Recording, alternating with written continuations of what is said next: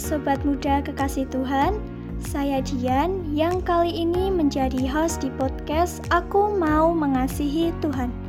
Tentu saja Sobat Muda semua udah sering banget mengikuti setiap episode dari podcast ini.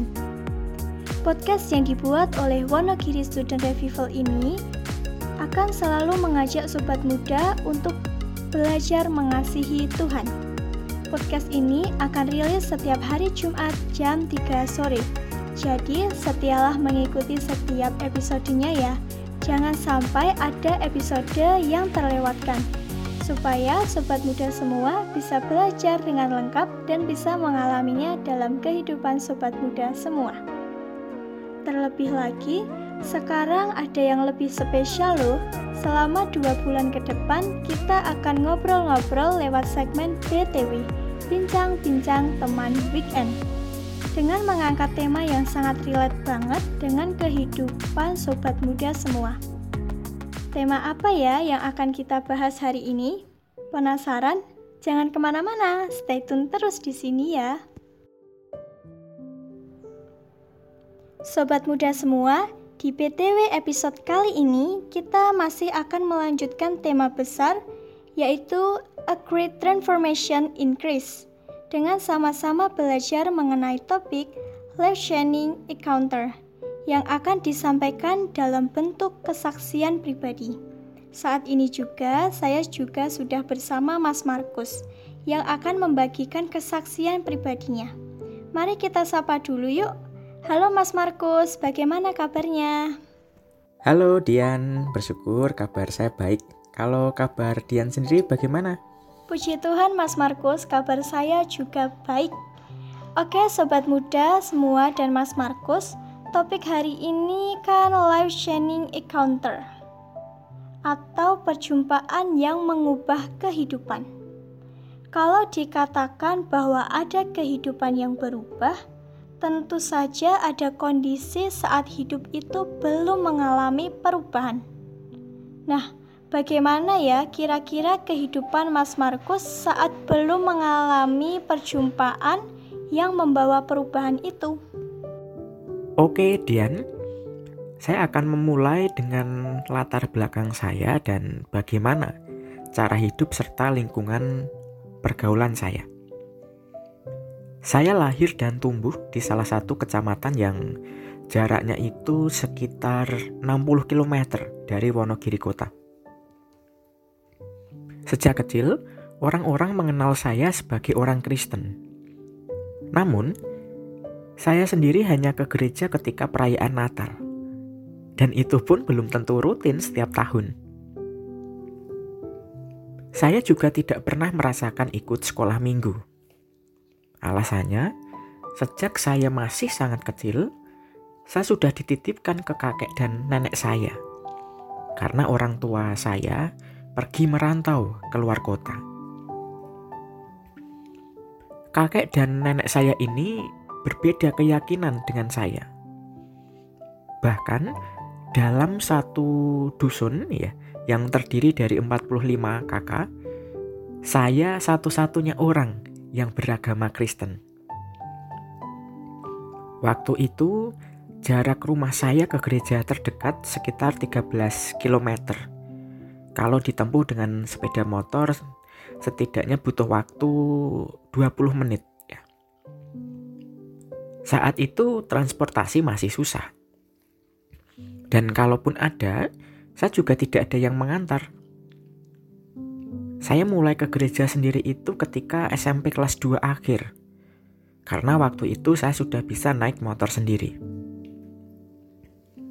Akan tetapi, pada waktu itu saya sama sekali belum menerima Tuhan Yesus secara pribadi.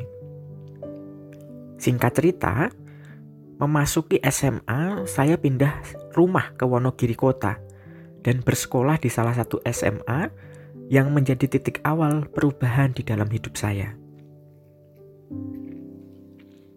Sebelum menerima Tuhan Yesus, saya tidak memiliki tujuan hidup. Secara umum, saya adalah anak yang nakal. Ketika SD, saya adalah salah satu orang yang ditokohkan ketika terjadi konflik ya atau masalah dengan sekolah lain. Biasanya masalahnya berawal dari sepak bola. Ketika SMP di sekolah, teman saya kebanyakan adalah orang-orang yang hobi balapan liar dan memodifikasi motor. Saya juga pernah ikut tahu uh, taruhan pada waktu itu. Selain itu, di luar sekolah, saya juga berkawan dengan teman-teman dari perguruan silat. Saya sendiri pun juga ikut perguruan silat. Jadi saya punya banyak fraksi atau backingan gitulah. Sederhananya, dulu saya sangat suka dengan yang namanya geng-gengan. Kira-kira ada sobat muda pendengar yang seperti saya tidak ya? Seperti itu, Dian. Wah, kalau dipikir juga lumayan ngeri ya, Mas. Tapi Mas Markus tadi menyebutkan bahwa kehidupan SMA adalah kehidupan titik awal perubahan dari kehidupan Mas Markus. Kalau boleh nih ya, bisa dijelaskan tidak Mas detailnya bagaimana? Tentu bisa ya, dengan senang hati. Di situasi MOS SMA atau masa orientasi sekolah bulan Juli 2014, ada beberapa kakak yang datang melayani ke sekolah. Saya lupa, ada lima orang kalau tidak keliru, dan itu di hari kedua MOS. Waktu itu kami siswa baru kelas 10 dibagi ke dalam beberapa kelompok dan di kelompok itu dibagikan mengenai ilustrasi jembatan keselamatan. Ilustrasi itu menjelaskan bagaimana semua manusia yang berada di bawah kuasa dosa dan terancam mendapat penghukuman kekal. Namun, karena kasih dan keadilannya, maka ia menyelamatkan manusia yang berdosa itu lewat karya penebusan Tuhan Yesus. Maka, barang siapa mau percaya dan menerima Tuhan Yesus secara pribadi, ia tidak akan binasa, sebab ia telah menerima hidup yang kekal. Di waktu itu juga, saya ditantang oleh kakak yang membagikan ilustrasi itu untuk berdoa menerima Tuhan Yesus secara pribadi. Saya pun mengambil waktu berdoa secara pribadi untuk mengundang Tuhan Yesus masuk ke dalam hidup saya sebagai Tuhan dan Juru Selamat. Itu adalah awal dari kehidupan baru saya tepat seperti kata firman Tuhan dalam 2 Korintus 5 ayat 17. Jadi, siapa yang ada di dalam Kristus, ia adalah ciptaan baru. Yang lama sudah berlalu, sesungguhnya yang baru sudah datang. Nah, juga untuk info, sampai saat ini saya masih belajar firman Tuhan lewat kelompok PA dengan kakak ini. Saya menerima Tuhan Yesus itu di bulan Juli 2014. Lalu di bulan Januari 2015, saya mulai menjalin kontak dengan kakak ini lewat WA. Kemudian untuk beberapa waktu, kami mulai PA bersama hingga sekarang. Wah, menarik banget ya sobat muda semua. Ternyata peristiwa menerima Tuhan Yesus itu yang menjadi titik balik dari kehidupan Mas Markus relate banget dengan topik kali ini, yaitu life changing encounter atau perjumpaan yang mengubah kehidupan. Tapi tadi kan baru saja dibahas tentang titik awalnya. Lalu perubahan kehidupan seperti apa yang dialami Mas Markus? Di awal tadi, saya sudah membagikan mengenai latar belakang dan kenakalan-kenakalan yang saya lakukan sebelum bertobat adalah suatu anugerah jika saya yang ketika kecil sama sekali tidak pernah ikut sekolah minggu dan paling rajin satu tahun sekali pergi ibadah. Tetapi ketika SMA saya dapat berjumpa dengan Yesus secara pribadi. Setelah peristiwa pertobatan itu, saya jadi suka ikut kegiatan-kegiatan persekutuan, baik di gereja PDSK di sekolah, dan pendalaman Alkitab. Secara detail, saya tidak tahu apa tujuan ikut berbagai kegiatan itu. Tetapi satu hal yang saya pahami, yaitu saya rindu ikut kegiatan-kegiatan itu. Nah, ada suatu cerita ya. Dulu pernah suatu waktu saat kakak yang membagikan Injil kepada saya itu hendak datang ke rumah saya mengajak ikut persekutuan doa. Saya meminta ibu saya untuk mengatakan kalau saya sedang tidak ada di rumah. Dengan kata lain, saya meminta ibu saya untuk berbohong. Tetapi, sesaat setelah saya mengatakan hal itu kepada ibu saya, saya langsung berganti pakaian dan memutuskan untuk ikut persekutuan doa tersebut. Saya tidak tahu pasti alasannya. Tetapi lagi-lagi, ada sesuatu yang menggerakkan saya. Perlahan tapi pasti, saya mulai menemukan dan mempunyai komunitas yang sehat. Selain itu, dalam diri saya juga mulai muncul kerinduan untuk mengajak orang lain ikut di dalam persekutuan dan mengenalkan Yesus kepada mereka. Berbagai kenakalan saya dulu sebenarnya merupakan bentuk dari kehidupan tanpa arah dan tujuan yang saya jalani. Saya tidak memahami bagaimana seharusnya saya hidup. Makanya, saya terus-menerus minta pengakuan dari orang lain dengan melakukan tindakan-tindakan yang keliru.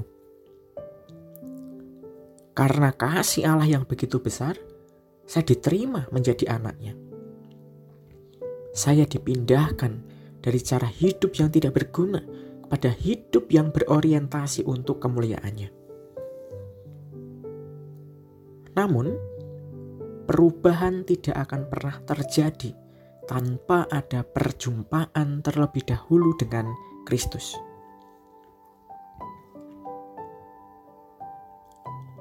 Bukan berarti ketika saya sudah menerima Tuhan Yesus, saya sama sekali tidak bisa berbuat dosa. Yang membedakan adalah ketika saya sudah menerima Tuhan Yesus, tiap kali habis melakukan dosa tertentu, saya pasti akan merasa bersalah. Setelah itu, tentu saja datang mengaku dosa kepada Tuhan. Ini adalah pekerjaan Roh Kudus. Sebelum saya menerima Tuhan Yesus, Seburuk apa pun perbuatan yang saya lakukan, saya sama sekali tidak pernah merasa bersalah. Lalu, bagaimana dengan sobat muda? Apakah sobat muda juga sudah menerima Tuhan Yesus secara pribadi? Momen menerima Tuhan Yesus adalah sekali seumur hidup.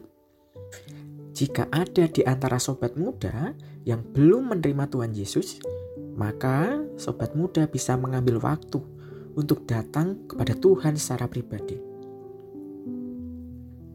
Akuilah bahwa sobat muda adalah orang berdosa.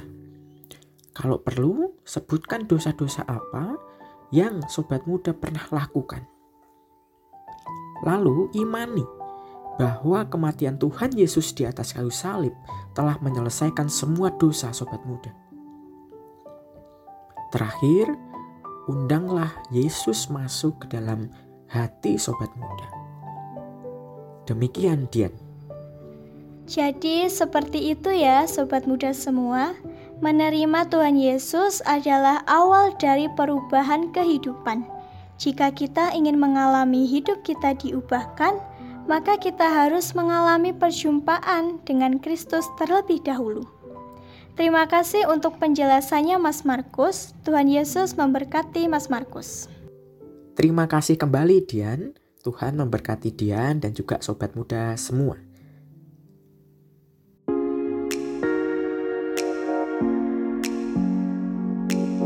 Sobat muda kekasih Tuhan semua, senang sekali ya hari ini kita bisa memperoleh penjelasan tentang tema-tema yang menarik dan sangat relate untuk sobat muda semua selama dua bulan ke depan. Sobat muda, jangan sampai terlewatkan untuk mendengarkan bincang-bincang teman weekend dengan rangkaian pembahasan A Great Transformation in Grace. Khusus minggu depan, kita akan belajar tentang A Forgiven Sinner. Pasti seru banget untuk diikuti dan kita butuhkan banget. So ya, pasang alarm kalian setiap hari Jumat jam 3 sore. Kepoin terus IG kami di @w_student_revival dan kita bisa belajar bersama setiap minggunya. Kalau ada sobat muda yang ingin berdiskusi, bertanya, memberi masukan, boleh banget loh sobat muda sampaikan kepada kami. Bisa lewat IG kami maupun kontak ke WA pembimbing dan pengurus Wonogiri Student Revival. Kami semua sangat terbuka kepada teman-teman yang ingin berdiskusi, bertanya, dan memberikan masukan. Oke, sekian dulu podcast kita pada hari ini. Jangan lewatkan kelanjutan di setiap episode minggu depannya. Terima kasih, Tuhan Yesus memberkati.